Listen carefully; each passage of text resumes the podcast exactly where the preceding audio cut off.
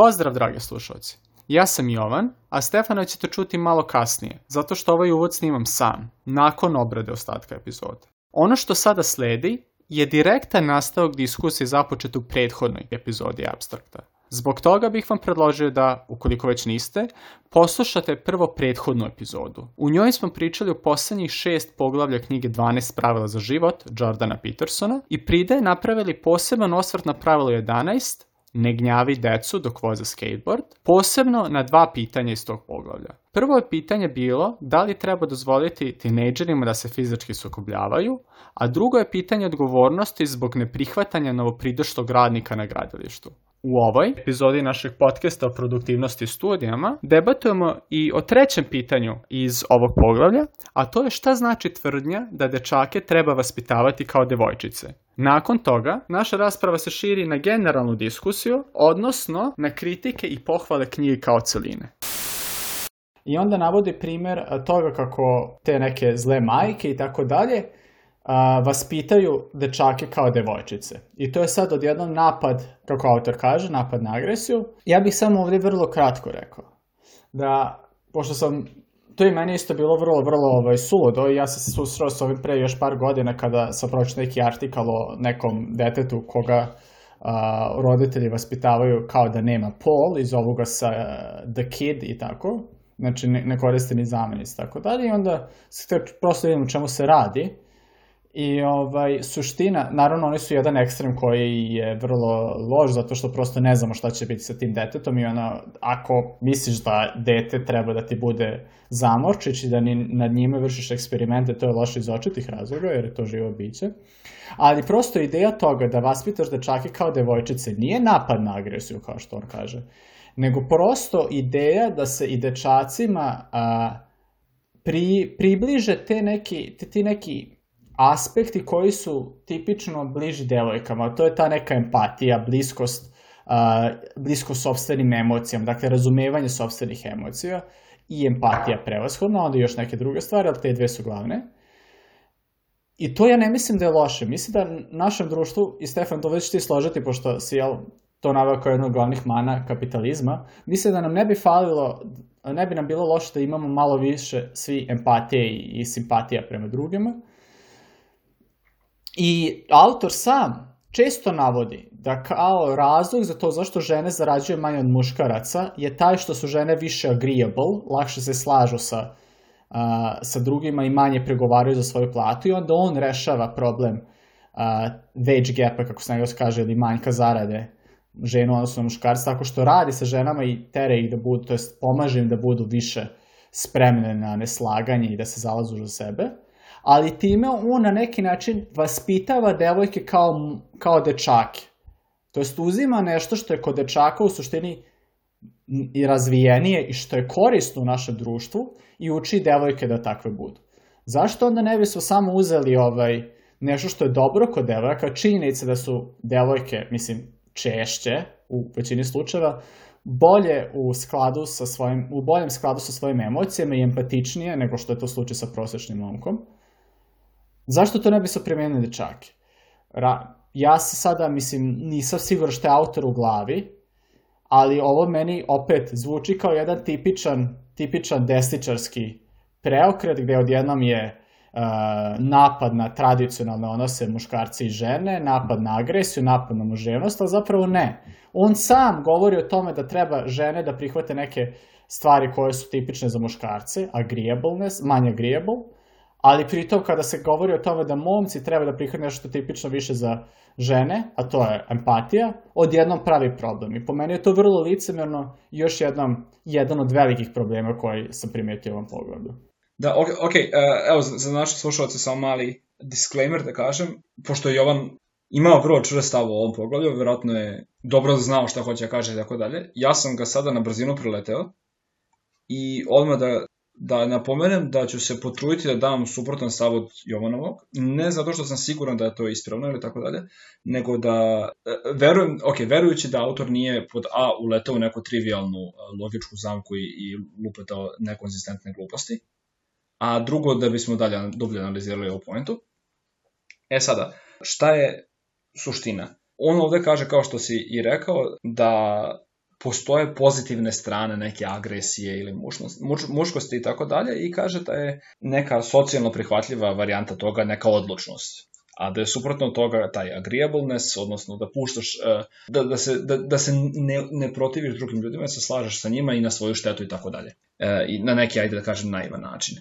E sad, s jedne strane, e, mislim da je, može se posmatrati da ovo pravilo pokriva taj, ajde da kažem, te muške pozitivne osobine, ali da kad posmatraš sve ostalo pre, prethodni, prethodno to knjigi koji uključuje i priču o iskrenosti i e, o brizi ka detetu i tako dalje, e, da to uključuje neki, neko negovanje i tih pozitivnih, kako sad da ne uredi nekoga, ali tradicionalno ženskih osobina, koje su nežnost i tako dalje. I da e, se, da, da se, da kažem, taj drugi aspekt koji ti misliš da nedostaje, da je bio dot, da, e, da se autor njega dotakao u prethodnom toku knjige, a da se onda sada obraća onom drugom. To je prvo. E sad drugo, mislim da, da nije dao poređenje koje bi govorilo da su muškarci bolji od žena ili tako dalje, nego da postoje neke osobine koje su prisutnije po prirodi kod muškaraca, kao što je ta agresija ili, ili kako ćemo drugče nazvati, i što je po njemu urođeno, sa čim bih se zapravo složio, kad vidiš kako se deca tuku od dve godine, i da je to neka stvar koja se treba kontrolisati i obuzdati, ali da treba postojati ta neka borbenost i e, mogućnost da se zauzmeš za sebe u oba pola. Slažem se, da. I da, i da ne bi e, trebalo da ni dečake ni devojčice e, razmaziš i da ih odgajaš pod staklenim zonom, pošto će onda upasti u sve ove probleme koje smo naveli. Dakle, slažem se sa tobom da je na nesrećen način objašnjeno i slažem se da ispadne kao veličanje uh, muškosti, uh, odnosno čak da, da u neku ruku postoji to neko poređenje na račun žena, ali poenta koju sam pokušao da izvučem je da treba da se u oba pola neguju te bolje osobine, kao što si i ti sam rekao, samo mislim da je nesrećno napisano. Mislim, po meni ovo zvuči kao da opisano da bi trebalo oba pola da neguju muške osobine, s tim što je to ženske, ajde može malo i ženskih osobina, jer prosto urađene. Ja et, ne slažem se u potpunosti da je jel, razlog zašto su plate manje, ovaj, razlog samo zbog toga što se žene lošije cenkaju u suštini, jer ima opet ću linkovati jedan podcast, ovaj put Planet Money, koji se bavi time, da je, se može delom objasniti zato, ali ne samo zato, ali slažem se da ovaj, postoje neke stvari koje žene bi trebalo da jel, nauče od muškaraca, ali ja iz ovog pra, ja iz, prosto iz ovog prava nisam nijednog trenutku vidio da on kaže ok, postoje nešto u čemu su žene bolje, što bi trebalo da se nauči i ovaj, što bi muškarci trebalo da nauče od žene. Ja to niti u jednom trenutku nisam video.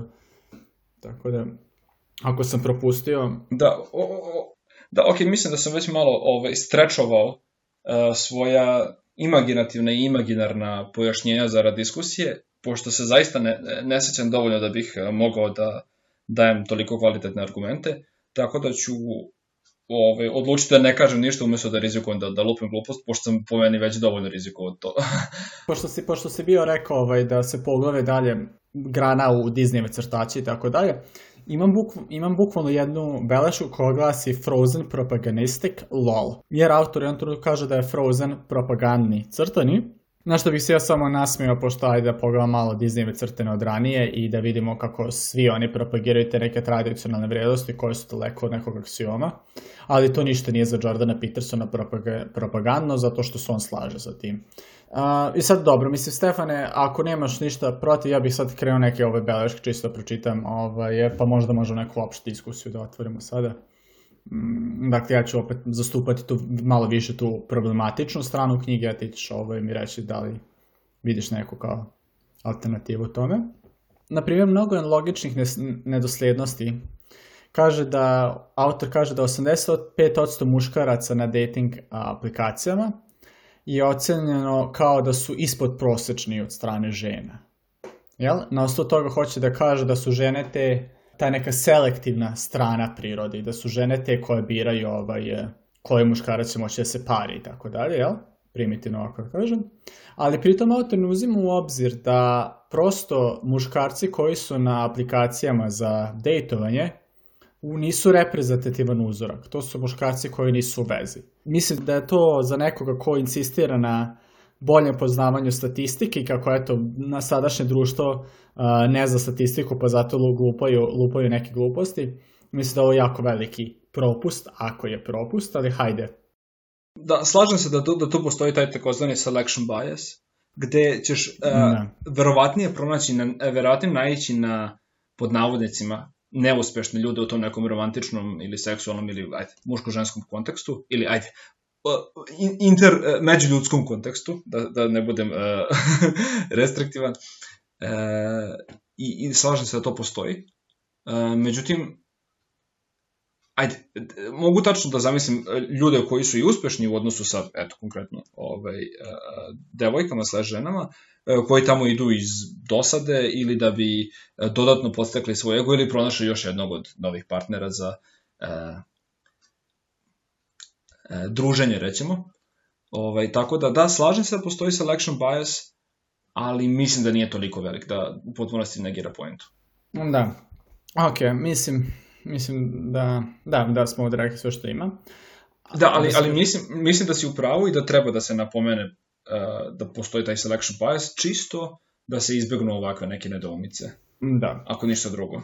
E sada, vrlo, vrlo slično ovu temu uh, i tiče se ovog poglavlja u vezi sa time da ne treba, da, ne treba da dozvoliš svoje deci da uh, rade bilo šta zbog čega ćeš ih manje voleti ili zbog čega ti se manje sviđati.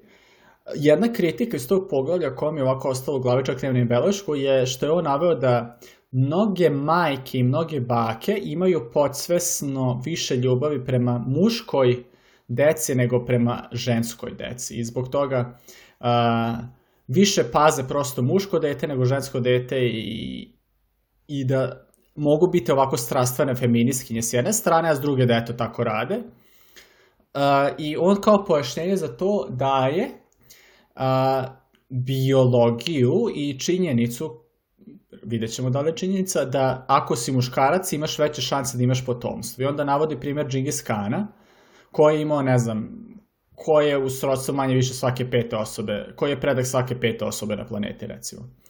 Znači, evo, to je već odmah statistički problematično, kao data scientist moram da kažem, da ne smeš da uzmeš apsolutni outlier, i on je najveći outlier, to je najveći, ne znam kako bih rekao outlier na srpskom, ali najveći izuzetak od pravila, jel? Ekstrem. I najveći ekstrem, dobro, bolji prevod. Uh, i da ga uzmeš kao prosječan slučaj prosječno obliženja. Znači, to je, to je već po meni diskvalifikujući argument. Ali hajde da nastavimo dalje njegovu logiku. Znači, žene više vole mušku decu nego žensku decu zato što je veća šansa da će oni nastaviti potomstvo.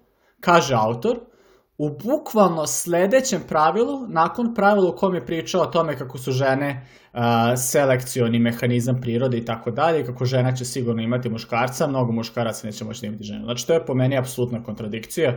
Ja, Stefane, stvarno ne znam, molim te pojasnim kako misliš da autor mislio da može da ima oba oba i obe izjave u okay, što pravilo se, pravilo. Što se tiče uh, outliera koji je Genghis Khan, mislim da služi da ilustruje pointu.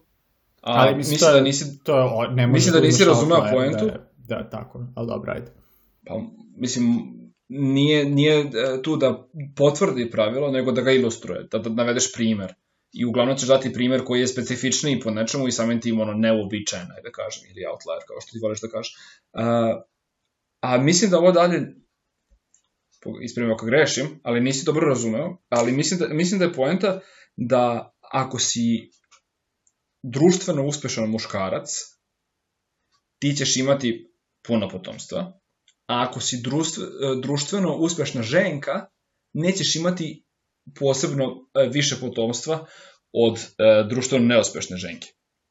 Pogled, najočigledniji primjer je kod životinja, gde će alfa mužjak op, e, im, ajde, imati potomstvo sa svakom ženskom, ženkom u, u, u krdu, čoporu ili koja već da je društvena jedinica, ovaj, dok ne postoji koncept alfa ženke. Tako je, ali za nije onda upravo veća šansa ženama, to je ženkama, ajde, da imaju potomstvo nego mužijacima, zato što će sigurno ženka imati potomstvo.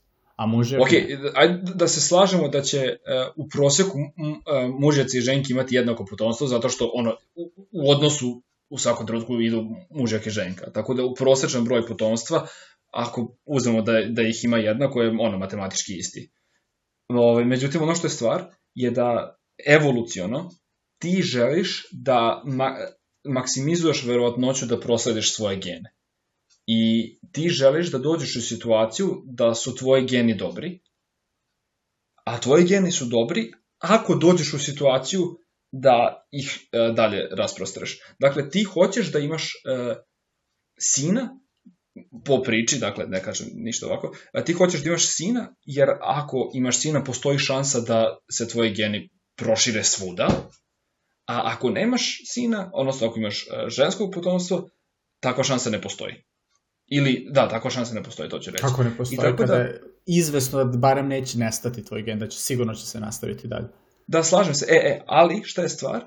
Zaključujemo odavde, što je zaista evolutivna po meni činjenica, da je e, mnogo veći značaj, e, ok, da nije linearna srazmera značaja raširenosti tvog gena od raširenosti tvog gena. Odnosno, ako raširiš tvoj gen na 100 od 100 neke grupacije, da je to više nego duplo bolje nego da se ga raširio na 50%. Razumem pojentu, da. To je, dao sam možda glupav primjer, ali razumeš pojentu da ako možeš da, da ako, ako mužak može da spava sa 10 ženki, da je to više od 10 puta bolje nego da spava sa jednom. Da, u da, da. Ako je autor zašto? tako mislio, zato što ćeš. onda ok, ali ja iskreno da, tako. Zašto? Zato što će to značiti da će čitavo krdo, čitava vrsta imati te bolje gene. Zašto će imati bolje gene? Jer ćeš najverovatnije ti koji si stekao pravo da širiš te gene imati dobre gene. To znači da si veći, jači, brži, jači, bolji, šta god, e, čim si uspeo da, da širiš te gene. I sad, ovo nije moj argument koji izmišljam u hodu da bih nešto dao, e, da bih nešto rekao, nego sam ga od početka tako shvatio. Tako da ovo sam, ajde, prilično siguran ovaj, što govorim za razliku. Ok, ok, a, ajde, ajde, moguće da sam onda ja to pogrešno shvatio. Uh, daću benefit of the doubt.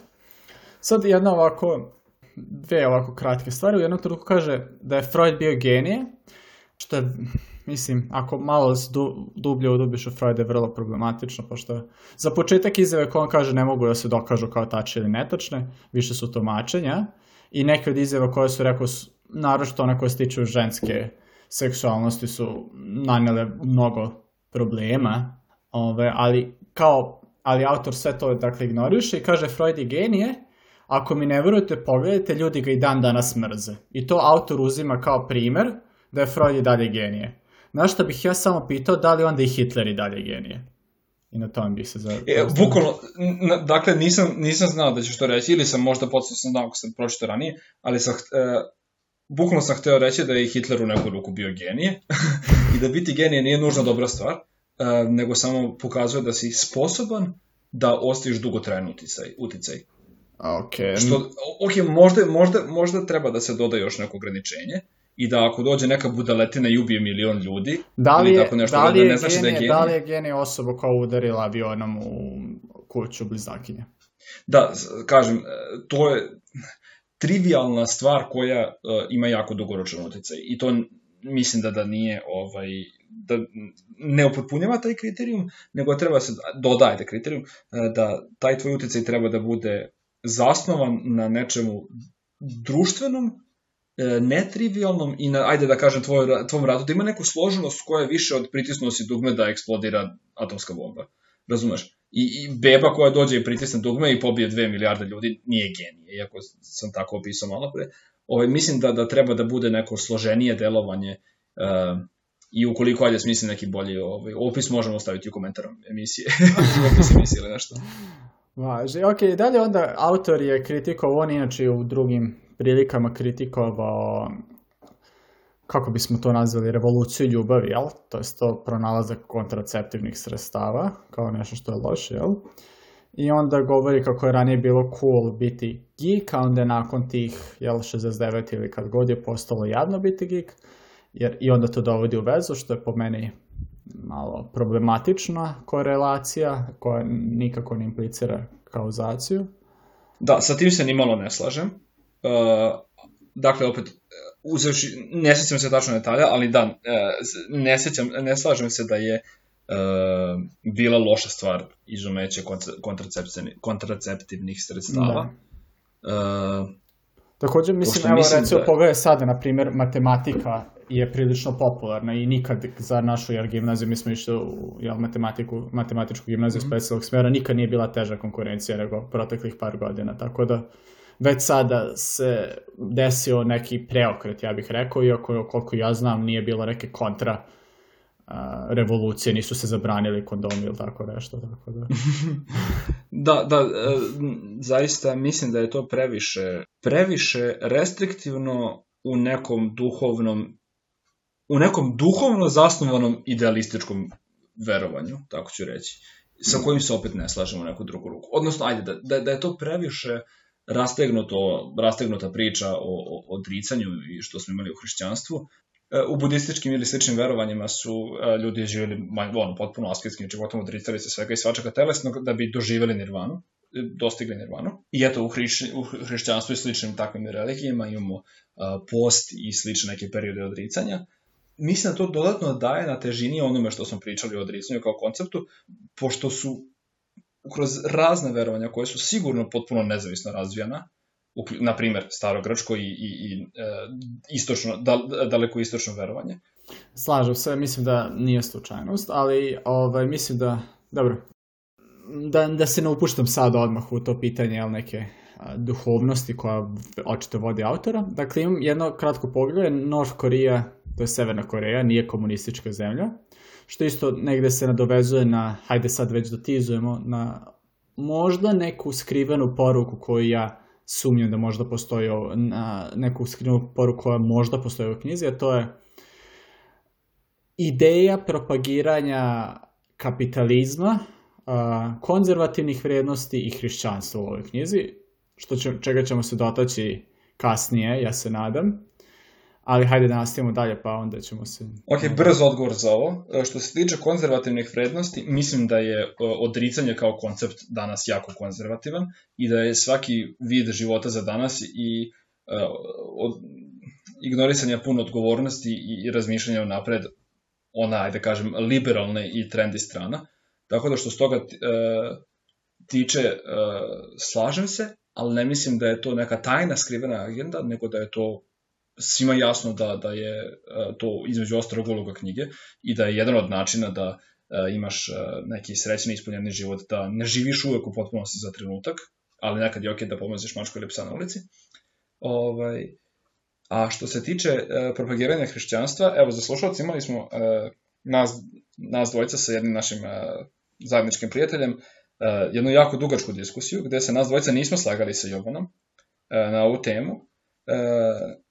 Ja mislim da je autor pričao o hrišćanstvu više e, nego o drugim religijama, pod A, zato što je sam mnogo više upućen u to i verovatno je zaista kao e, školovana osoba koja e, je se puno bavila religijama i duhovnosti, upućena i u druge religije, druga verovanja, što smo videli kroz, koje se zaista spomenju kroz, kroz knjigu, međutim da je najbolje, najviše upoznat sa, sa hrišćanstvom i da samim tim može najpametnije, najsigurnije stvari da kaže o tome. A drugo, najverovatnije je e, ciljana grupa, odnosno, ajde da kažem, čak i tržišna grupa e, su, su neke e, neka, neka hrišćanske zemlje i tako, takav narod, pošto ne verujem da bi bilo dobro, da bi ova knjiga bila dobro prihvaćena u strogim islamskim zemljama, ne verujem da bi u sadašnjoj mod, modernoj Kini e, takođe naišla na dobar pristup i tako dalje, tako da mislim da je delom i do toga e, i do ciljne grupe, pošto ja bih se, eto, sigurno manje, manje bih razumeo neke stvari koje e, se, su zasnovane na pričama iz drugih religija, iako zaista nisam ja, ne znam kako upućen u hrišćanstvo, ali bliže mi je što se tiče moralnih e, vrednosti i tako dalje, onih impliciranih stvari, iako ja zaista ne znam maltene nijednu priču iz Biblije ili tako nečeg. Dakle, ne treba neko predznanje, ali treba neko pred osjećanje ili neka predupoznatost, aj da kažem, koja je ono prisutnija u hrišćanskom društvu, gde je knjiga namenjena da se proda. Mm, da, mislim, I, uh, u, u suštini i, razumem šta mi govoriš, ajde, izvini, nastavi, ajde. Da, i preformulisat ću našeg drugara, uh, parafrazirat ću to što je rekao, uh, ironično naravno, uh, mislim da autor uh, za, ovde očigledno propagira Disneyeve crtaće, i zapadne vrednosti animirane industrije, pošto spominje samo Disneyve crtaće, a nigde nije spomenuo kultne filmove, recimo Miyazakija, za slušalce to je japanski autor ovaj, animiranih crtaća, crtanih filmova, dugometražnih, najviše ja mislim. Ovaj, da, što, što je opet eto, neka očigledno pogrešno skrivena agenda u tome, ovaj, gde zaista ne verujem da autor ima neku posebnu korist od jačanja jednog internacionalnog giganta umetničkoj industriji kao što je Disney. Dobro, hajde onda da odgovorim prvo na ovo posljednje što si rekao, pošto je to najlakše oboriti kao argument i malo, bukvalno, iz, nije me iznerviralo, ali prosto bih fazon neću da odgovorim na ovo u raspravi. Uh, Disney, iako guta druge kompanije postaje bukvalno predatorski uh, igrač na tržištu, koliko ja znam, ne preti bes, on, beskrajnim paklom i gorenjem u vatri ukoliko gledaš tuđe crtače. Čije crtane u kojoj meri spominje je daleko manje važno od toga o kojoj religiji priča, u kojoj meri u knjizi. Dakle, nije, nije na mestu poređenja, ja bih rekao. I, a, ok, a, slažem se da su posledice različite, ali da, da, je anal, da je jednaka mogućnost za neku skrivenu agendu. Razumeš potpuno? Nije, zato što posledice... autor prosto, koliko, ljud, koliko je verovatno ti deluje da autor dobija nešto od toga što propagira Disneyevu, Disneyove crtači naspram ne, nekih alternativnih u odnosu to koliko dobija ako propagira jedno, jednu religiju naspram drugih ili koliko dobija ako propagira jednu ideologiju. Ja i kako mislim da Jordan Peterson propagira nešto što bi se moglo nazvati ideologijom u odnosu na neku drugu. Dakle, mislim da, da ali ja zaista mislim benigno, da, da on... a drugo možete kako biti, jel?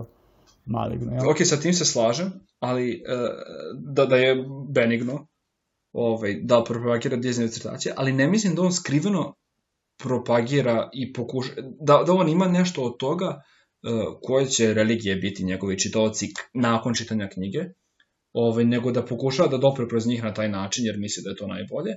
I usput, misli da je to ono ispravno, dakle, i ako postoji neka ajde da kažem, agenda, da ona nije skrivena. Mislim da, da, da, da, da ne postoji neki skriveni motiv zašto bi on to radio, pošto očigledno zaista ima najviše hrišćanskih priči, očigledno mu je to najbliže, očigledno misli da je, da je to ispravno.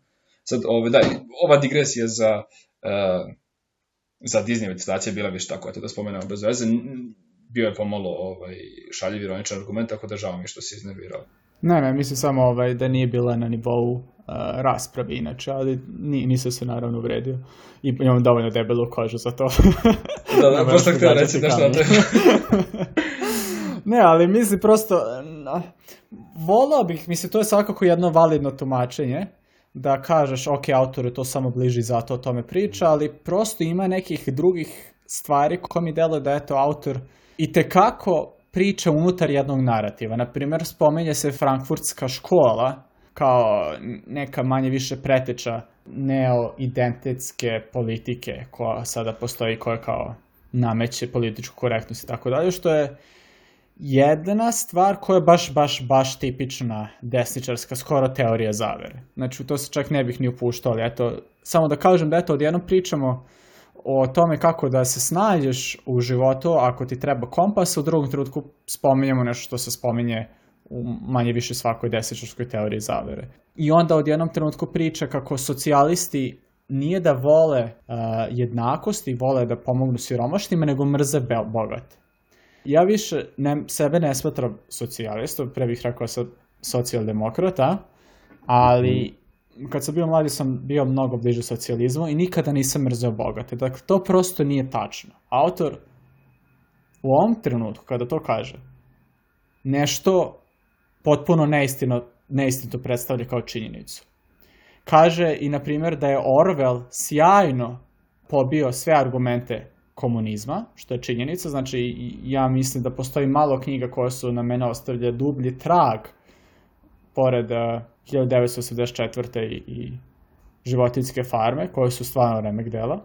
Ali autor ne spominje da je Orwell po sebi bio socijaldemokrat i veliki kritičar kapitalizma. Znači, vrlo mi delo je kao da autor bira šta će reći, šta neće sa nekim ciljem. A taj cilj je propagiranje kapitalizma, propagiranje hrišćanstva i propagiranje konzervativnih vrednosti ja kažem, ne mogu da tvrdim da ti nisi u pravu i možda si zaista u pravu da eto, njegovi čitaoci su takvi da te poruke više rezonuju s njima, ali nisam ubeđen.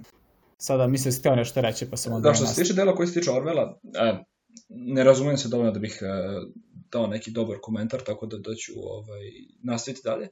Međutim, e, što se tiče onoga da, sirom, da socijalisti mrze bogate, imam mešano mišljenje o tome. Odnosno, s jedne strane, mogu da ukažem na puno ljudi kod kojih to nije slučaj, a opet imam osjećaj da mogu da ukažem na puno ljudi kod kojih to jeste slučaj. I koji se, nekim zajed, koji se nekom zajedljivošću ili tako dalje gledaju uspešne ljude i često opravdavaju svoj neuspeh u poređenju sa tim, neuspeš, sa tim uspešnim ljudima kroz neku, ajde, imaginarnu priču o tome kako su oni to stekli na neki nepošten način, e, kako su to oni sve to prljave pare i tako dalje. Ovaj, a kako opet, eto, njihov izbor bio ili, ili on dobar i pošten, pa su oni eto završili siromašniji, ili su e, prosto bili prinuđeni da budu tako siromašni, život ih nije mazio, šta god. Dakle, naslušao sam se baš jako puno priča koje su, eto, e, izrazito negativne, usmerene prema uspešnim ljudima, najviše u nekom monetarnom smislu, odnosno finansijskom, ovaj, tako da iz mog iskustva mislim da ima puno istine u tome. I bio je jedan kanal na YouTube-u koji eh, iz nekog razloga više ne postoji, gde je jedan čovjek, evo, otvoreno ću reći da je budalo, ovaj, i neuspešan u, u, u svim sferama života, uključujući odnose sa ženama koji su mu ciljani pol i, i što se tiče zaposlenja i tako dalje, na toliko neki očajan, perfidan, e, žalostan način e, pljuje sve ljude koji su bolji u tome, e, da, da je prosto na neki čudan način bilo zanimljivo to gledati. I, i baš sam diskutovao sa, sa kolegama sa bivšeg posla o tome, koliko je to zapravo možda neki ekstrem koji opet prikazuje neku prosečno mišljenje u nekim nižim slojima društva, gde ja mislim da ima više ljudi nego u višim, ovaj, i, i, i da eto, ljudi koji su zaista u nekom u nekoj lošoj situaciji gledaju zajedljivo da im je lakše da se izbore sa problemom tako što će mrzeti drugi nego što će uh, mrzeti sebe. Da, ali, ok, i možda ima takvih i skoro sigurno ima takvih, ali ne možeš reći socijalisti kao the socialist hate the rich. Mislim, to je jedna generalizacija. Nije da svi socijalisti mrze bogate, prosto nije. Da, ok, i nije da drugi ne mrze. Da, ok, mislim da, um, mislim da je uh, poruka iza toga, i u, ko, u koju, ajde, verujem, ali nisam 100% siguran i mislim da je opet jako loše to uh, izraženo u knjizi, ali mislim da je poruka da ljudi koji su unesrećeni, dakle koji su već u tom položaju koji sam malo preopisao, da, da je njihov pristup rešavanju tog problema tako što će veličati neku jednakost koja je taj socijalizam iz razloga što je to njihov način da se izbore ovaj, sa nepravdom, eto gde su oni ne, e, neuspešniji od nekog drugog. Dakle, e, da je jedan način suočavanja sa tim problemom ili bega od stvarnosti u neku ruku, e, pribegavanje tome da, da hoćeš da kroz eto silu ideologije ili nečeg sličnog ugnjetaš te uspešniji od tebe da bi ti bio u nek, negde u ravni sa njima. Dakle, malo sam sad ovo uh, ili demagoški ili, ili ovaj, ekstremno rekao da bih oslikao poentu, ali uh, mislim da sam prenao. Ovaj, da. I, I mislim da ta priča, da, da je opšte poznato da je on, da kažem, desničar, i da on ne radi to skriveno, nego da, uh, da, da kao i svaka neka ideološka knjiga ima neke, neke ideološke stavove. I da je, da je to okej. Okay ti ćeš se sa, sa tom da, knjigom... Da, ali ova knjiga se predstavlja kao knjiga o popravljanju svog života, kao self-help knjiga. I ciljena grupa ti je neko ko, kao što i ti, Stefane, si više puta rekao, ko nema baš kompas u životu. I sad ti njemu daš te neke stvari koje će mu zaista pomoći i onda pri kraju knjige i kroz celu knjigu na onako manje način, ali pri kraju knjige se to baš, pri kraju knjige se baš vidi, guraš mu uz to ideologiju, guraš mu uz to jednu određenu veru, veru autora, po meni to zaista deluje perfidno. Sad ti, Stefane, kažeš možda... Da, sl slažem se, mislim da si upravo, ok, e, mislim da nisi upravo da se to radi tajno, skriveno ili tako dalje, Ove, ili da postoji neka skrivena agenda, pogotovo što se tiče a, priča o hrišćanstvu, ali da mislim da nije dobro da u knjizi koja e, ima namenu da daje kompas, e, namećeš neki toliko radikalan stav. Sa, s druge strane, ako misliš da si ti u pravu i da je to pravi kompas i da je način na koji će ljudi biti srećni i ispunjeni u životu taj možda radikalni način života, šta će onda uraditi? Mislim, ne znam. Dobro.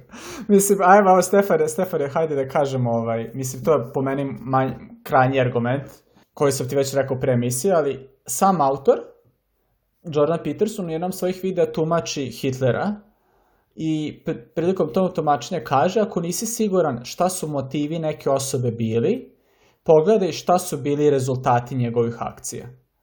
Ok, i taj naš zajednički poznanik je počeo da primenjuje prvenstveno ove praktične savete, jel? Prvenstveno, i zaista je, zaista mu se poboljšao život, zato sam i bio toliko, zato sam bio toliko dugo nevic, da li bih ipak preporučio u knjigu. Zaista mu se značajno poboljšao život i osjeća se srećnije i uspešnije na nekom financijskom planu i tako dalje, dakle ima svakako koristi, ali sada odjednom je nakon nekog vremena postepeno uz više slušanja jel, Petersona je krenuo ka intenzivnom, vrlo intenzivnom proučavanju hrišćanstva i do te mere se odubio u to da je, mi je rekao iskreno i to mislim da je zaista fantastično čestitamo na tome što je toliko ovaj, u stanju da protumači svoje emocije, da mu kreće emotivno smetati kada ja pred njim toliko otvoreno kritikujem hrišćanstvo, što je po meni ogromna, ogromna crvena zastava iz dva razloga. Prvi razlog je očito je da na ove ljude knjiga utiče i na taj način drugi. Znači, predstavlja se kao knjiga za pomoć na praktičnim stvarima, kao anti-otrov za haos, ali ti pritom nudi nešto što je vrlo, vrlo udaljeno od praktičnih stvari, vrlo manje, uh, manje jel, neupitno, kao ispravna odluka. I s druge strane ograničavati na neki način slobodu razmišljanja, što sad ovo je moj lični stav, više onako kao moja neka vrednostna aksioma, ali ja mislim da treba da imaš apsolutnu slobodu misli ili da barem imaš što veću slobodu misli što možeš. I sve što ti ograničava misli, sve što o čemu ne želiš da razmišljaš, ne smiješ da razmišljaš, plašiš se da razmišljaš, je loše. I samim tim mislim da je ovo loše zato što sada je upao u nešto što njemu bukvalno ograničava slobodu misli i slobodu prihvatanja kritike. Tako da, Eto, ovo, je, ovo sam hteo iskreno da sačuvam kao završni argument, ali prosto mislim da, je, da, je, da me je tvoj argument prosto pozvao da ga sada već kažem. Da, mislim, mislim da je uh, stvar u tome što su ljudi tako defansivni.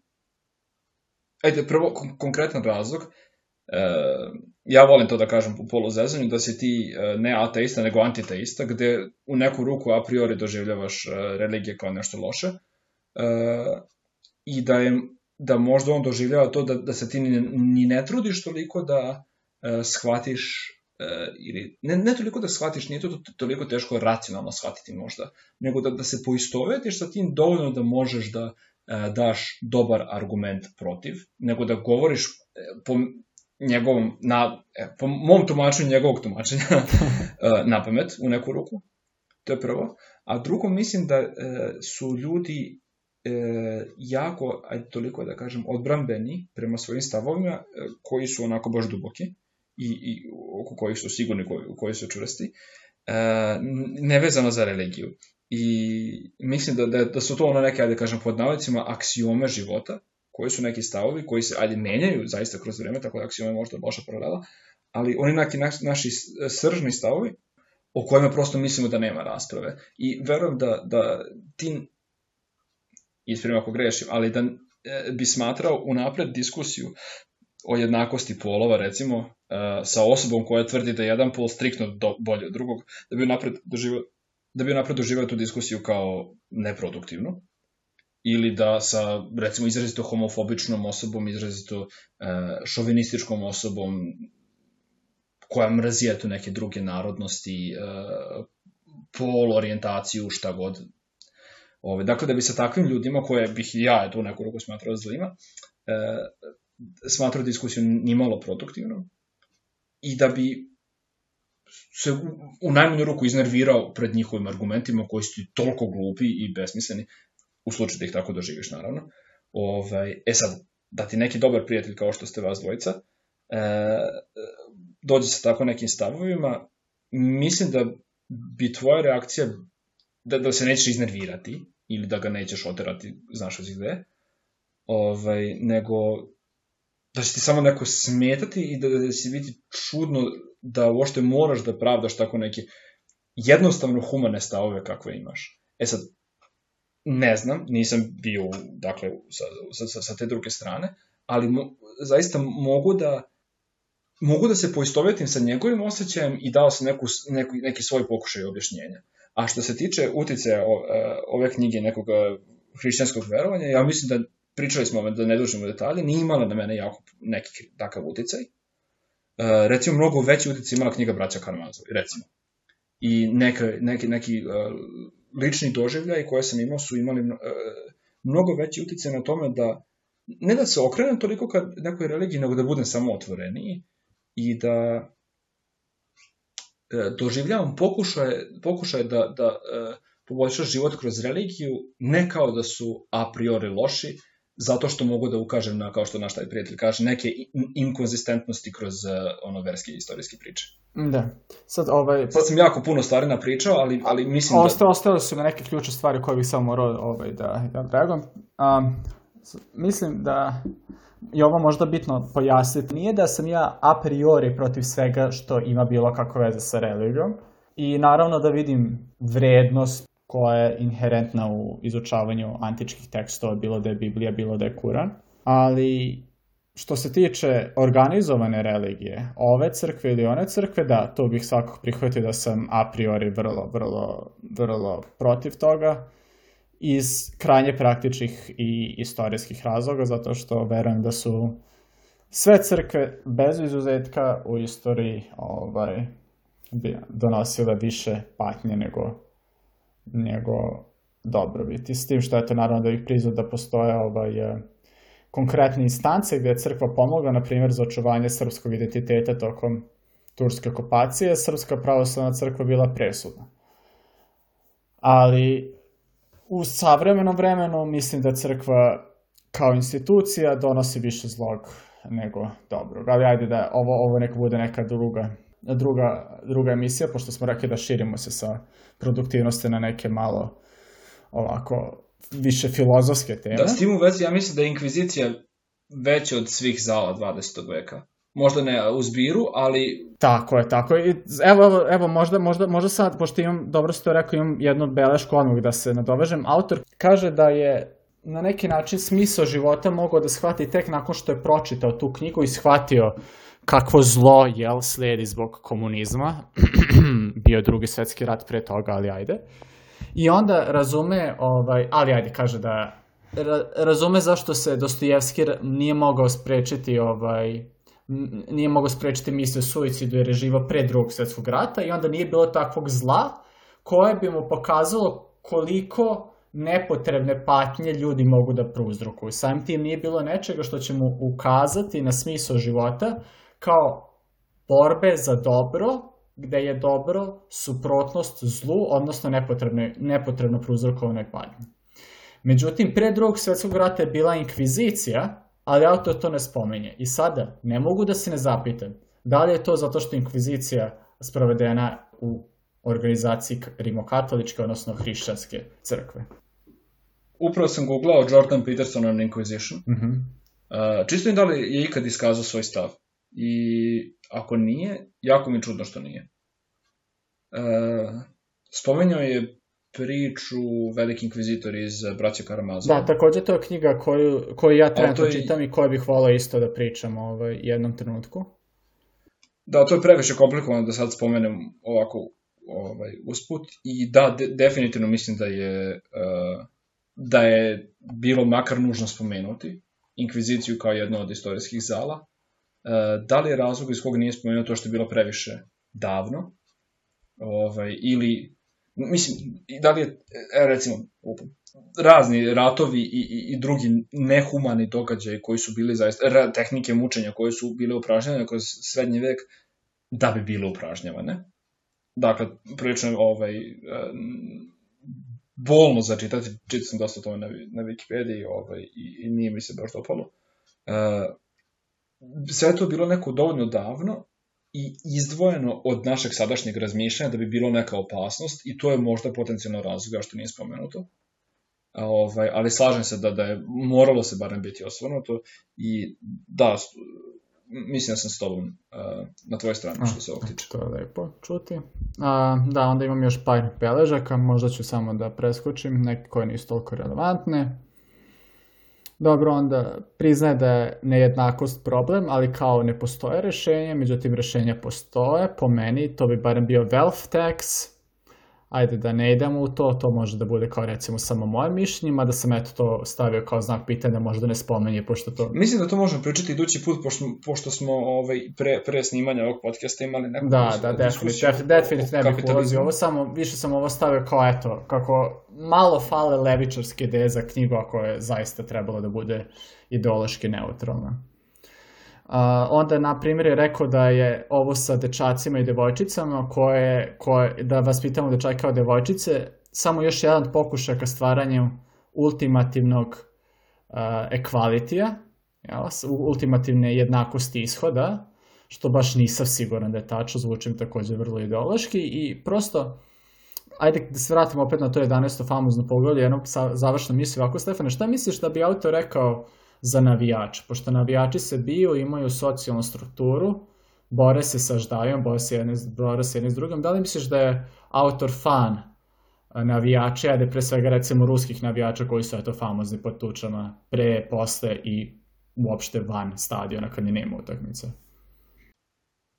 E, mislim da ne, zato što to nije jedini aspekt života koji je bitan i da e, kao što vjerojatno je bio fan i osobe koja je eto recimo, posvećena bilo kom nekom drugom, ajde da kažem, konstruktivnijem načinu života i potpuno zapostavljala sve drugo moguće, uključujući porodicu ili šta god da je. Dakle, da, mislim, mislim da to što se čeličiš kroz tuču e, i to ne upotrebiš na koji način ovaj, jako loše. I da je to, pored toga i ekstrem o kom sam pričao, koji je definitivno, bar po meni, van domena onoga što je autor uh, hteo savjetovati. Ili Eto, volao bi da mogu da se složim s tobom, mada kažem, posle onog dela sa tome kako se on zahvaljuje svojoj maci što mu je dala da se tuče i št, ono vrlo nesrećno opisanog blagorečeno dela sa radnikom na građevini.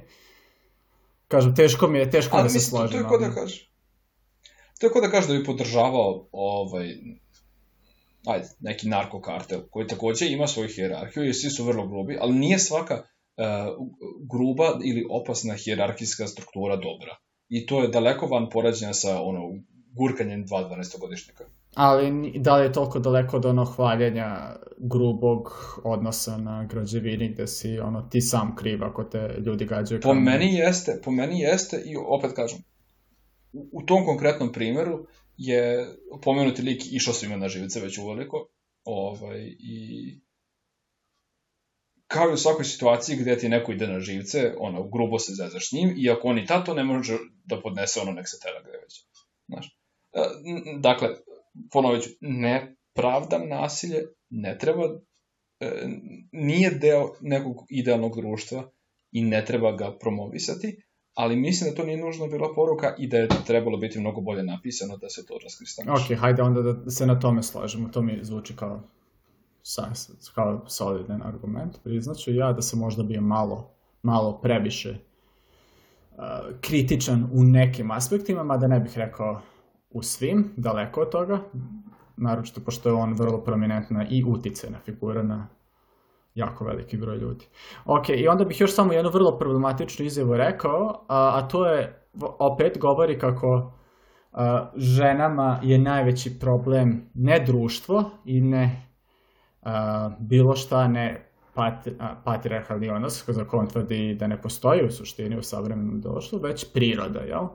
Na što bih ja samo pitao, da li je ženama najveći problem priroda i Afganistanu, i još gomili drugih država, među njima i mnogo zapadnih država i s ovim putem bih preporučio uh, knjigu Melinda Gates koju sam ja pročitao verujući da se radi o levičarsko-propagandnoj uh, treće talasno feminističkoj knjizi, čisto da čujem i tu stranu, verujući da eto, treba da budeš informisan i oko stvari koje, koje su neki ekstremi, jel, sa kojima se ne bi ni složio. Međutim, ovo je bila jedna vrlo, vrlo informativna i vrlo teška, emotivna i racionalna knjiga za poslušati koja dočarava šta je zapravo problem u, u mnogim nerazvijenim i razvijenim zemljama i zašto ticanje i zašto, bismo, zašto je opšti interes da se ženama pomogne. Dakle, preporučio bih svima još nam knjiga se zove The Moment of Lift, Melinda Gates. Je to ono što se dobro udala? On... je to je ta, to je ta žena Billa, Gates, Billa Gatesa, najbogatijeg čoveka, na, najbogatijeg muškarca na svetu ili najbogatijeg čoveka na svetu. Ovaj, ali jako, jako dobra knjiga i preporučujem svima da poslušaju, baš zato što nakon što se posluša ta knjiga i nakon što se upozna sa ovom problematikom, ova izjava da je ženama priroda najveći problem prosto degutantna.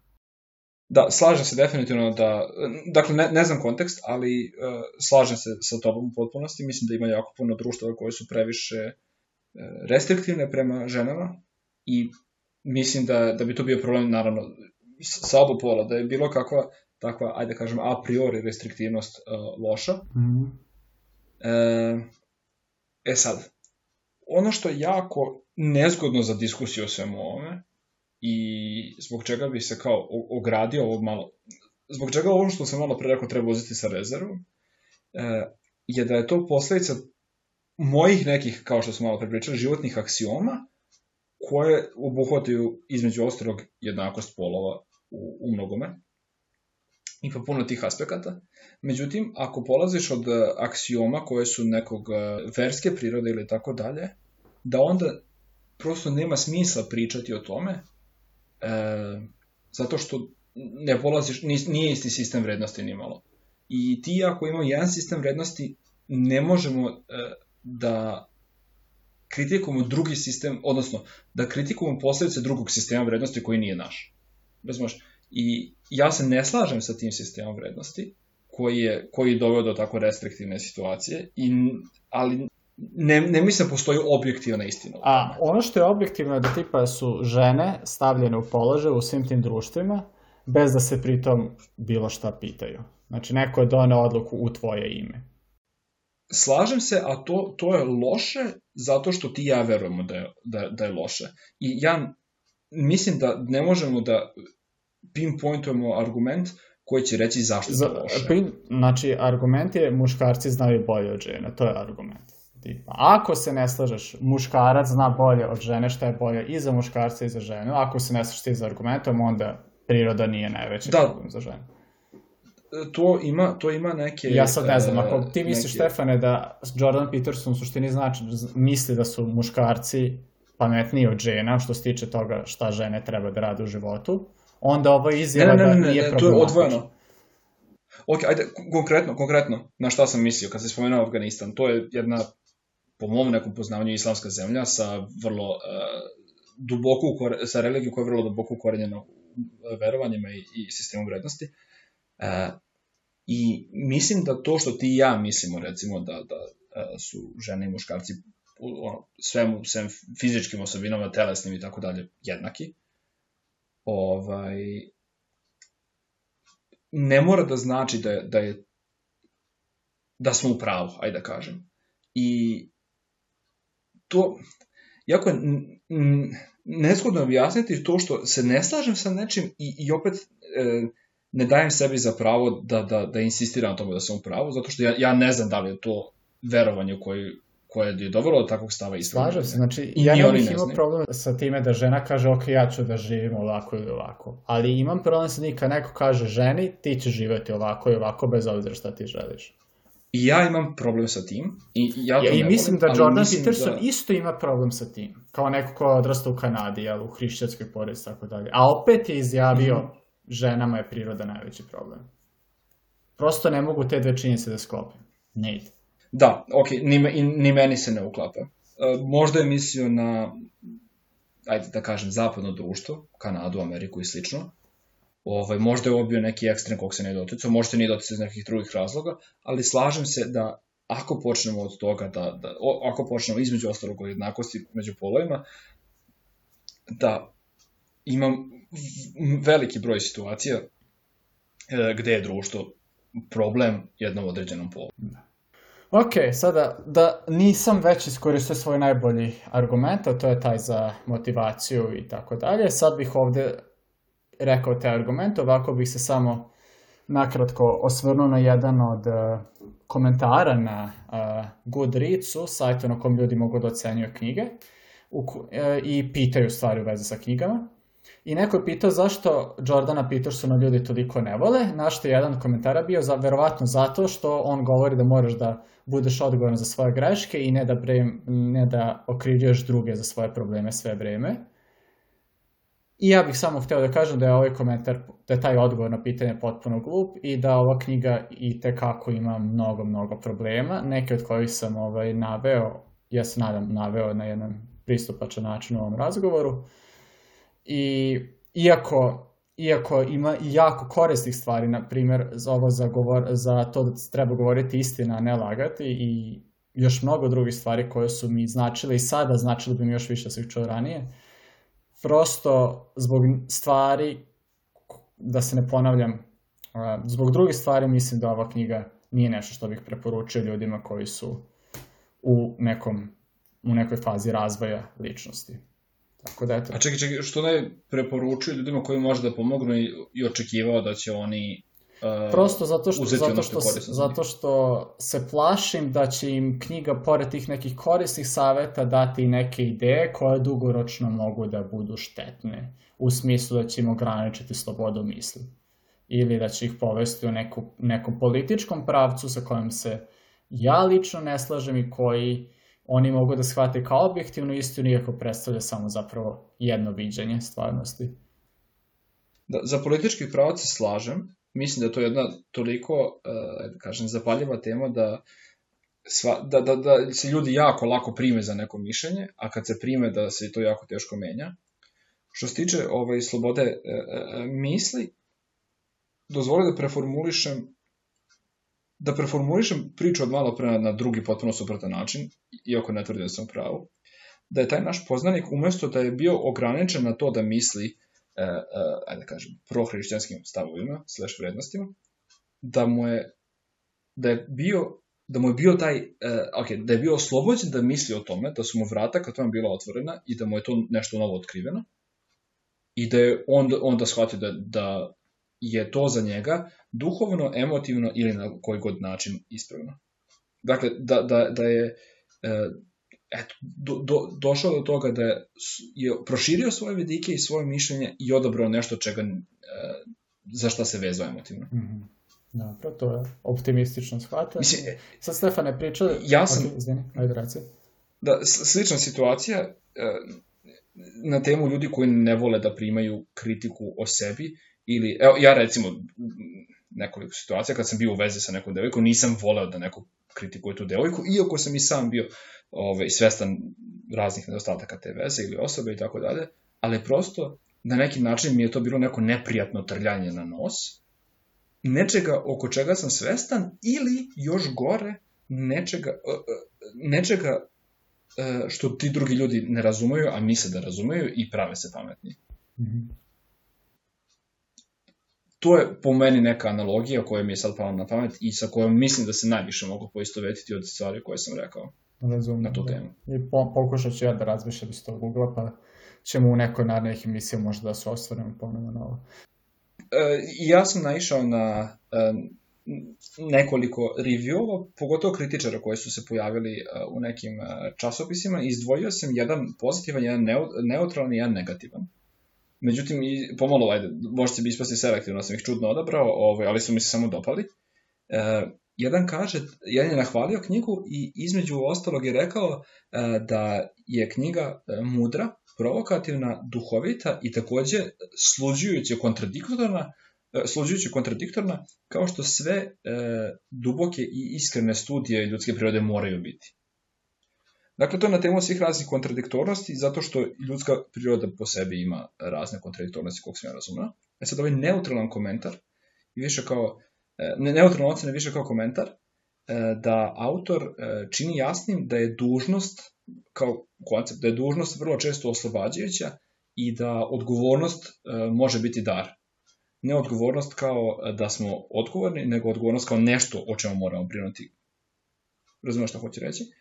E, i on je negativan komentar, je, može će da i biti jako ironičan, zato sam ga i odabrao, da je jedan e, biskup pohvalio neke aspekte ovoga, ove knjige, međutim, a da nije, da je kritikovao, citiram, gnostičku te, tendenciju da čita biblijsku religiju isključivo psiholo, psihološki i filozofski i nimalo istorijski. Ovaj, I takođe je kritikovao ideju da je Bog manje više jednostavan princip ili abstrakcija nečega. Dakle, za tog eto biskupa je knjiga bila nedovoljno, odnosno bila je previše psihološki, previše jedna psihološka i filozofska abstrakcija hrišćanskih stvari. Wow, to, to, to su baš zanimljivi reviewovi, hvala ti što si ih, što si ih pronašao. Mislim da se lepo uklapaju za kraj ove emisije. Sad, Stefane, već više od tri sata smo pričali o ovoj knjizi i ja mislim da je jedini prigod način da ovo završimo tako što ćemo sve ovo sumirati sa jednom ocenom od 1 do 5. Sad znam da ti više voliš 1 do 4, ali Goodreads kaže od 1 do 5. Tako da od 1 do 5. 4. Ok, ja bih rekao 3. I sa time bih samo još rekao zdravo. Pozdrav.